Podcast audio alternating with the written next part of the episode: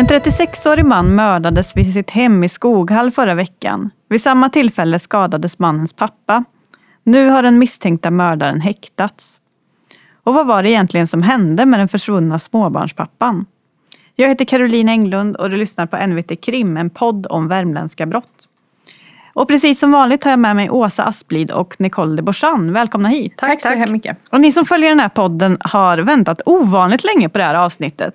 För förra veckan kom händelseutvecklingen ikapp oss och plötsligt blev podden vi precis hade spelat in helt inaktuell. Vad var det som hände Åsa? Ja, polisen gick ut och bekräftade att det faktiskt var den försvunna småbarnspappan som de hittade i skogen utanför Årgäng eh, lördagen för en och en halv vecka sedan nu. Samtidigt så meddelade de också att de la ned eh, mordutredningen och eh, sa att det finns ingenting som tyder på att eh, småbarnspappan har utsatts för någon form av brott.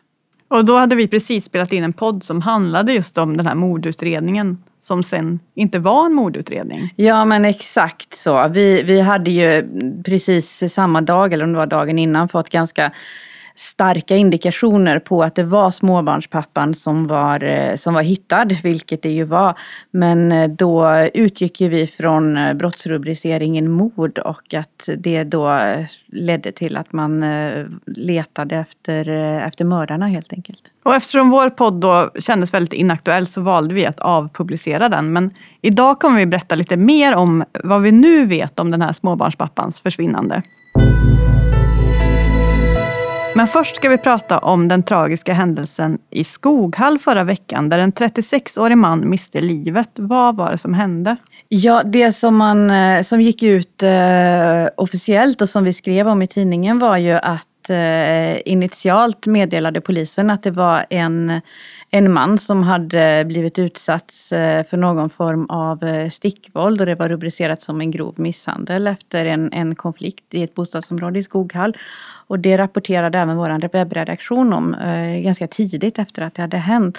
Och då eh, var eh, uppgifterna från polisen lät som att det inte var en särskilt allvarlig händelse. Sen eh, vid 22-tiden samma kväll så, så kom ny information om att det här utreddes som två misstänkta mordförsök. Och under natten mot eh, onsdagen sedan så gick polisen ut med att en man hade avlidit av sina skador och att det numera var misstänkt mord och mordförsök. Och du var på plats eh, dagen efter. Vad, vad pratade med grannarna, vad sa de? Ja men precis, jag, jag var där eh, på onsdag morgonen då och eh, då förstod vi ju ganska så snabbt efter att ha pratat med flera boende där att det var många som, som hade varit ute och blivit vittne till eh, den här händelsen och för grannarna var det väl ganska uppenbart redan i ett tidigt skede att den här 36-årige mannen hade avlidit av sina skador. Och vad var det de hade sett de här grannarna? Ja, en granne som jag eh, pratade med eh, beskrev ju hur, eh, hur de hade hört ett högt rop på hjälp och reagerat på det och sedan eh, tagit sig ut på det här gemensamma området. Det här är ett litet bostadskvarter med en del gemensamma gräsmattor och små asfalterade gångvägar som går mellan husen. Eh, så hon eh, gick ut och kikade ut vad det var och då såg hon eh, den här 36-årige mannen Eh, sin granne då som, som hon beskrev som en väldigt eh, trevlig och eh, snäll person. Han hade god relation till de flesta grannar i området hur han eh, låg på marken samtidigt som en eh, Ja, det som en, en blodig förövare angrep honom. Så att det, det var ju uppenbart att det var ett grovt våldsbrott som, som var mitt under pågående skede. Och hur mådde grannarna som du pratade med? De var ju eh, jätteskakade av, av eh, att ha sett det här. Och eh, hade väl lite svårt att förstå vad det var som hade hänt. Så en del ville inte prata om det, andra, andra ville berätta vad de hade sett för något.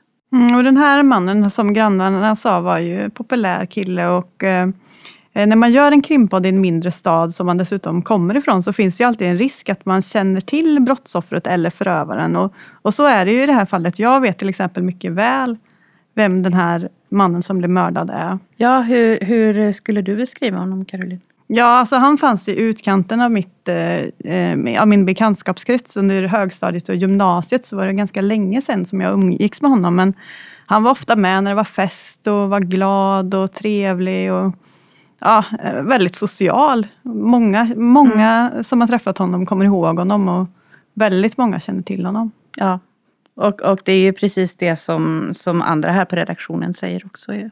Ja, det är minns, flera här på många MIT ja, precis, som känner till honom.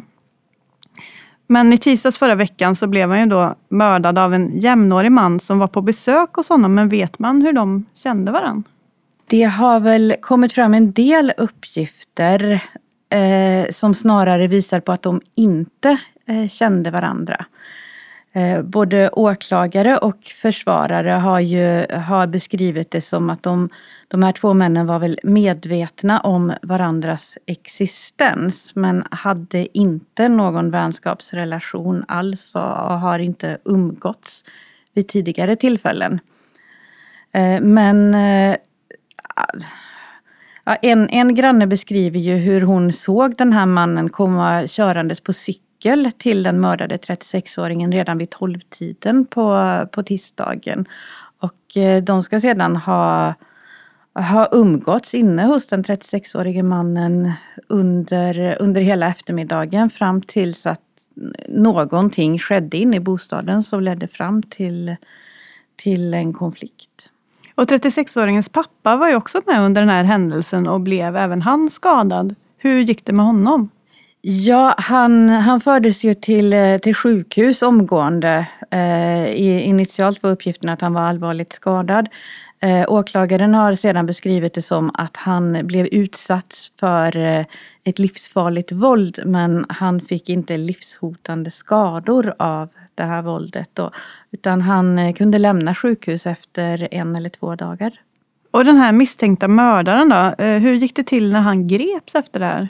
Han befann sig ju på, på platsen när, när han blev eh, gripen av polis. Det var ju boende som larmade polis omgående när de, när de blev vittne till det här. Och polis kom dit med en, med en ganska stor insats eh, snabbt.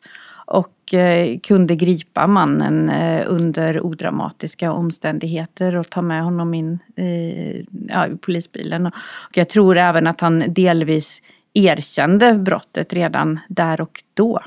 Det finns ju även uppgifter om, om varför den här eh, misstänkte mördaren kom till, eller valde att åka till 36-åringen och då har ju åklagaren sagt att eh, han, han ska ha fått uppgifter från från vänner som gjorde att han av oklar anledning valde att eh, att åka hem till den 36-årige mannen även om de inte hade träffats eh, enskilt så här vid tidigare tillfällen. Sen vet vi inte riktigt vad det var för uppgifter. Men eh, samtidigt så vet vi ju även att den här 36-årige mannen som nu är mördad har ju varit utsatt för för flera allvarliga händelser i närtid tidigare. Det var i, eh, i november förra året som han eh, hölls fången. Det var faktiskt tre personer som åtalades då för att ha hållit honom fången i en lägenhet i Karlstad under några dygn. Och eh, eh, även utsatt honom för misshandel med, med ja, förnedrande inslag kan man säga. Men alla tre de friades där och sen bara eh, innan de ställdes inför rätta alltså några dagar eller någon månad efter att han hade, den här händelsen i lägenheten hade inträffat, så ska han också ha anmält en grov misshandel i sin egen bostad.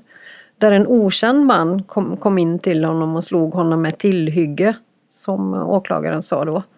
Men vet man om de här händelserna har någon koppling till mordet? Nej, vi vet inte det. Nej, det, det är väl sådant som polisen får, får utreda nu helt enkelt. Det var ju en, en granne där som jag pratade med som, som sa just det att det har ju varit flera tidigare incidenter runt den här mannen.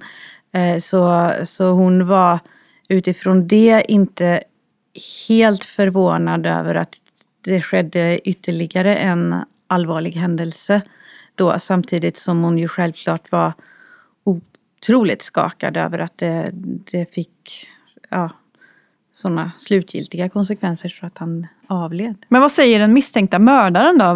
Varför har han gjort det här? Han har beskrivit att han har väldigt diffusa minnesbilder av vad som har eh, skett. Och eh, på grund av det har han även valt att eh, förneka det här mordförsöket på pappan som jag tror är något som ska ha skett inomhus då.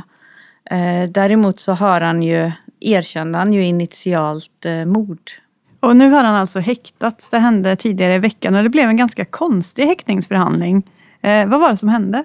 Ja, jag, var ju, jag var ju där på plats på häktningsförhandlingen. Den skulle börja klockan 13 på, på eftermiddagen. Och eh, alla parter kallades in i förhandlingssalen och eh, domaren var redo att, eh, att dra igång förhandlingen. Men, men då var försvarsadvokaten inte närvarande.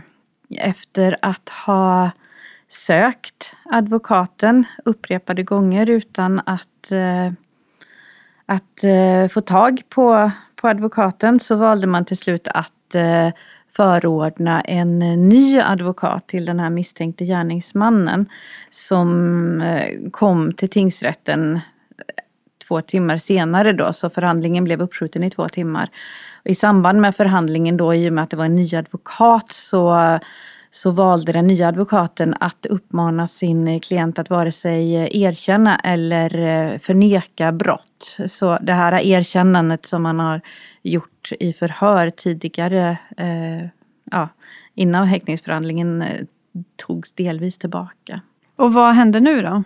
Ja, nu är eh, den misstänkte gärningsmannen häktad på sannolika skäl misstänkt för mord i två veckor. Åklagaren hade yrkat på att få honom häktad i fyra veckor men, men eh, tingsrätten beslöt att häkta honom i två veckor. Och sen fortgår utredningen med förhör av, av vittnen och eh, andra personer som är av intresse för utredning. Man tittar säkert på de här två händelserna som, som Nicole nämnde här tidigare som, som den avlidne personen varit utsatt för också.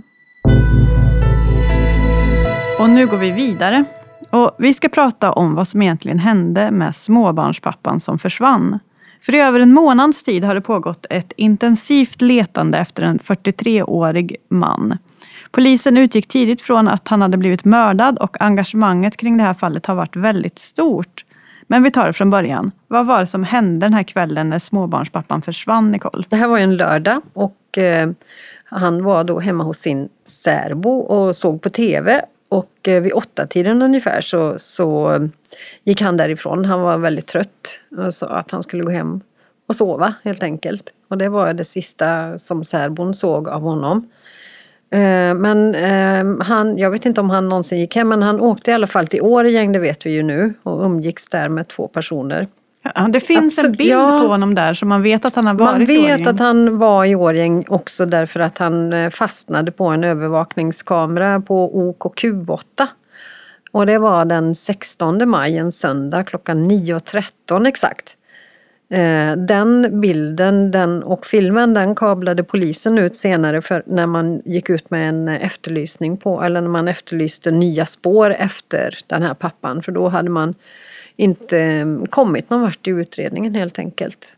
Man hittade väl även hans bil parkerad Ja. i centrala Årjäng.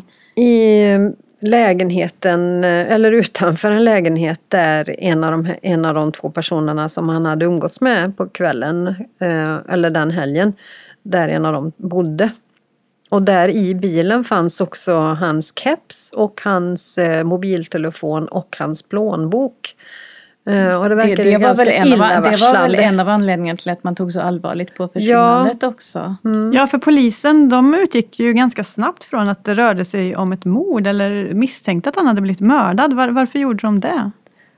Det fanns ju eh, personer som hade uttryckt att den här mannen var utsatt för hot eh, av något slag som vi egentligen inte riktigt vet. Men eh, det var nog det som gjorde, plus att eh, han hade ju varit borta då utan vare sig sin mobil eller sin plånbok under en tid.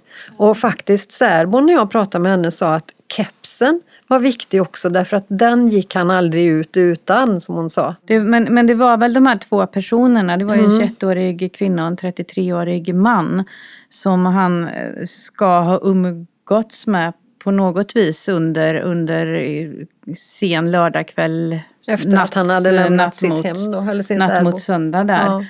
Ehm, och de blev ju bara några dagar senare häktade misstänkta för ett eh, inbrottsförsök i Årgängsområdet. inbrottsstöld, ja. In, in, Ja. inbrottsstöld, ja.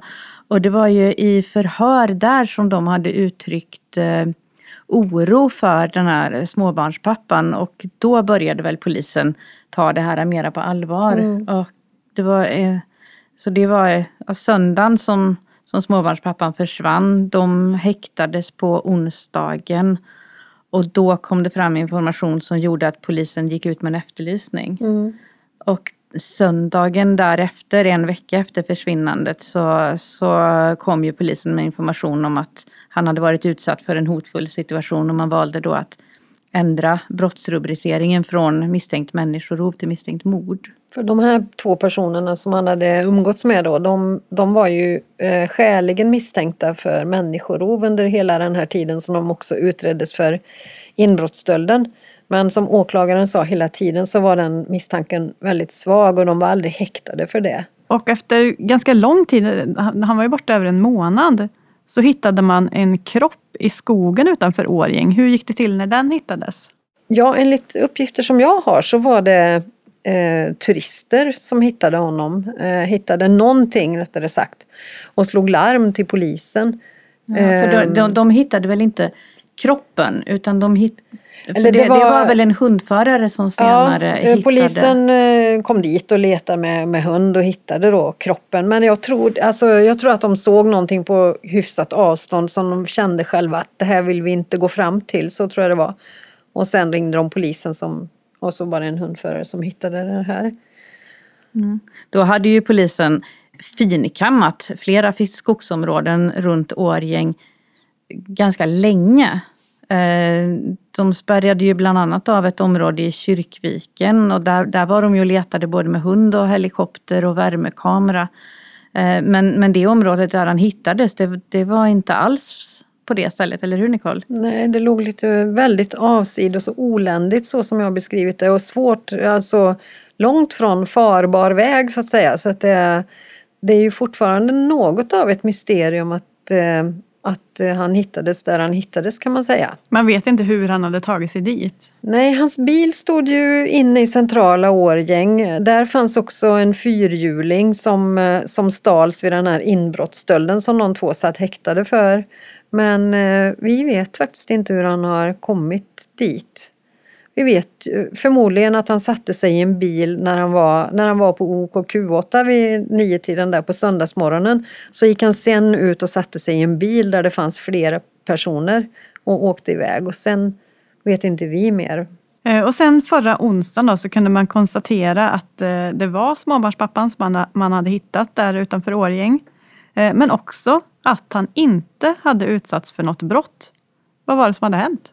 Ja, det kan vi ju egentligen inte riktigt veta. Alltså han, vad, han, vad exakt dödsorsaken var. Det kan ju vara nästan vad som helst från att frysa ihjäl till akut sjukdom eller så. Ja, eh, åklagaren Niklas Wargren eh, sa ju det att eh, eh de ska väl göra, de är väl fortfarande inte helt klara med obduktionen tror jag, men rättsläkaren indikerade ju redan förra veckan att troligen kommer man aldrig kunna hitta en eh, en eh, säker dödsorsak. I och med att kroppen har legat utomhus i, i över en månad så, så är det väldigt svårt att eh, fastställa. Däremot så har man väl kunnat konstatera då att det, det finns ingenting som tyder på att han har varit utsatt för någon form av våld. Och Nicole, du har ju haft kontakt med mannens särbo. Vad säger hon nu när, när man vet att eh, hon inte har blivit mördad? Mm, vi har båda haft, eh, men jag tror, jag tror Ja, Åsa hade ja, sista ja. kontakten. Jag smsade med henne